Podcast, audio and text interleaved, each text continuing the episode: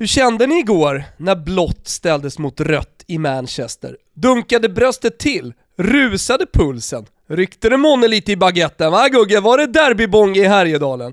Nej äh, men jag skojar lite såklart. Klart det var vilopuls i fotbollsvärlden. Mega söndag med allt från kamratderby via den mäktiga kungliga svenska huvudstaden till Madrid.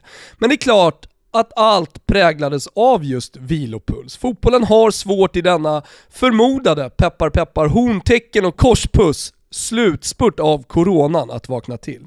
Vi vill tänja på gränserna, vi vill möta Mark Hamsik på Landvetter, vi vill skjuta raketer vid arenan, samlas i grupp inför derbyn, öla ner oss, skrika och gorma. Vi vill känna, vi vill skratta, vi vill gråta tillsammans. Vi vill ha pulshöjningen, känna hjärtat rusa, huden knottras. Men vi når inte fram. Vi nådde inte ens halvvägs igår. Men vi försöker, vi har konstgjord andning. Toto rullar två gånger i veckan. Vi chattar, kivas, twittrar åsikter. Greppar oss krampaktigt kvar i fotbollen. Ett litet tag till. Håll ut!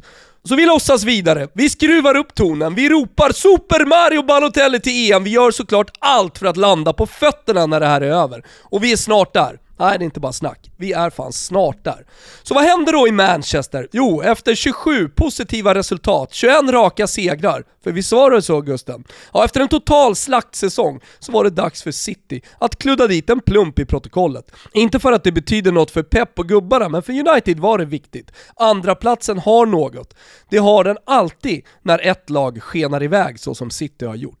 Världens just nu bästa mittfältare visade vägen och efter Bruno Fernandes såg Luke Shaw till att färga staden röd. Ja, eller något. I botten tog Fulham tre livsviktiga poäng efter att de eh, varit borta hos mittengänget Liverpool och snott åt sig en trea. Spurs har precis som vi surrade om förra veckan vaknat till och det är rejält. Gareth Bale visade vägen och Harry Kane avslutade slakten av Crystal Palace. Nu snackar vi söndagsmatcher. Och kikar vi in då på lördagen så hittar vi ett kryss för de blekfeta Arsenal-spelarna i norra London. Krysset var mot Burnley alltså. Villa Wolves kryssade också och Leicester fortsätter sin väg mot Champions League-spel i höst. Det är ju så jävla imponerande och mäktigt. Och på tal om mäktigt, nu är San Remo-festivalen slut. Ja, alltså det faktum att Zlatan åkt klart motorcykel, talat svajigt eh, inför en nation, hackat fram skrivna tal klart. Det är det alltså som är mäktigt. Sången har äntligen tystnat och i hans frånvaro vann faktiskt Milan en fotbollsmatch igen och visade livstecken inför torsdagens megamatch mot just United i Europa League. Och det var väl tur det, för bakom jagar Jove. Som de jagar. Kulusevski har lite slut på bensan va Gugge, men gnuggar på och får hyll av Pillo. Det är istället ett annat nyförvärv som gasar. Federico Chiesa öser. Och jävlar som han utvecklas i Juventus. Det är mål, det är assist, det är galna en mot en räder här och ett satans riv och slit där. Vilken spelare han är på väg att utvecklas till, brott 23 år gammal.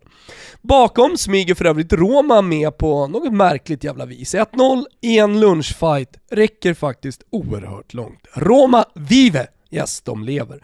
Tröttmössorna i Florens fick kryss mot i Prosciutti från Parma, men eh, det orkar väl ingen höra på. Desto roligare att Toro, som torskade mot Cerse Cosmis Crotone, nu går hårt mot domarna. Sånt är alltid kul att följa. 11 case, 11 katastrofala domslut, en dossier som satt prägel på hela deras säsong. Vi följer president Kairos framfart under våren. Vi skruvar upp tempot i svepet med 3 till Napoli som också hakar på, der klassiker öppnade med bomber och granater, håla med dubbelkass efter 10 kunde inte hjälpa Dortmund. Falukorven från Bayern styvnade och gick segrande ur klassiken. Till Spanien, där Barcelona bara vinner och vinner, där Messi röstar, gör mål och ler och nog fan tror på avancemang i Champions. Där Madrid-derbyt höll på att skicka marängerna långt från titelsurr, men där Bensen, galna jävla Bensen, kvitterade med någon minut kvar. Sen avslutningsvis tänkte jag säga något om Svenska kuppen och de avgörande matcherna, men jag gör som vanligt, det blir bojkott i svepet, för det är så jävla usel fotboll som spelas. Det går fan knappt att titta på. Men vi har ju Hamsik, vi har vår passion, vi har våra sånger och vårt hat! Och det räcker ta mig fan långt.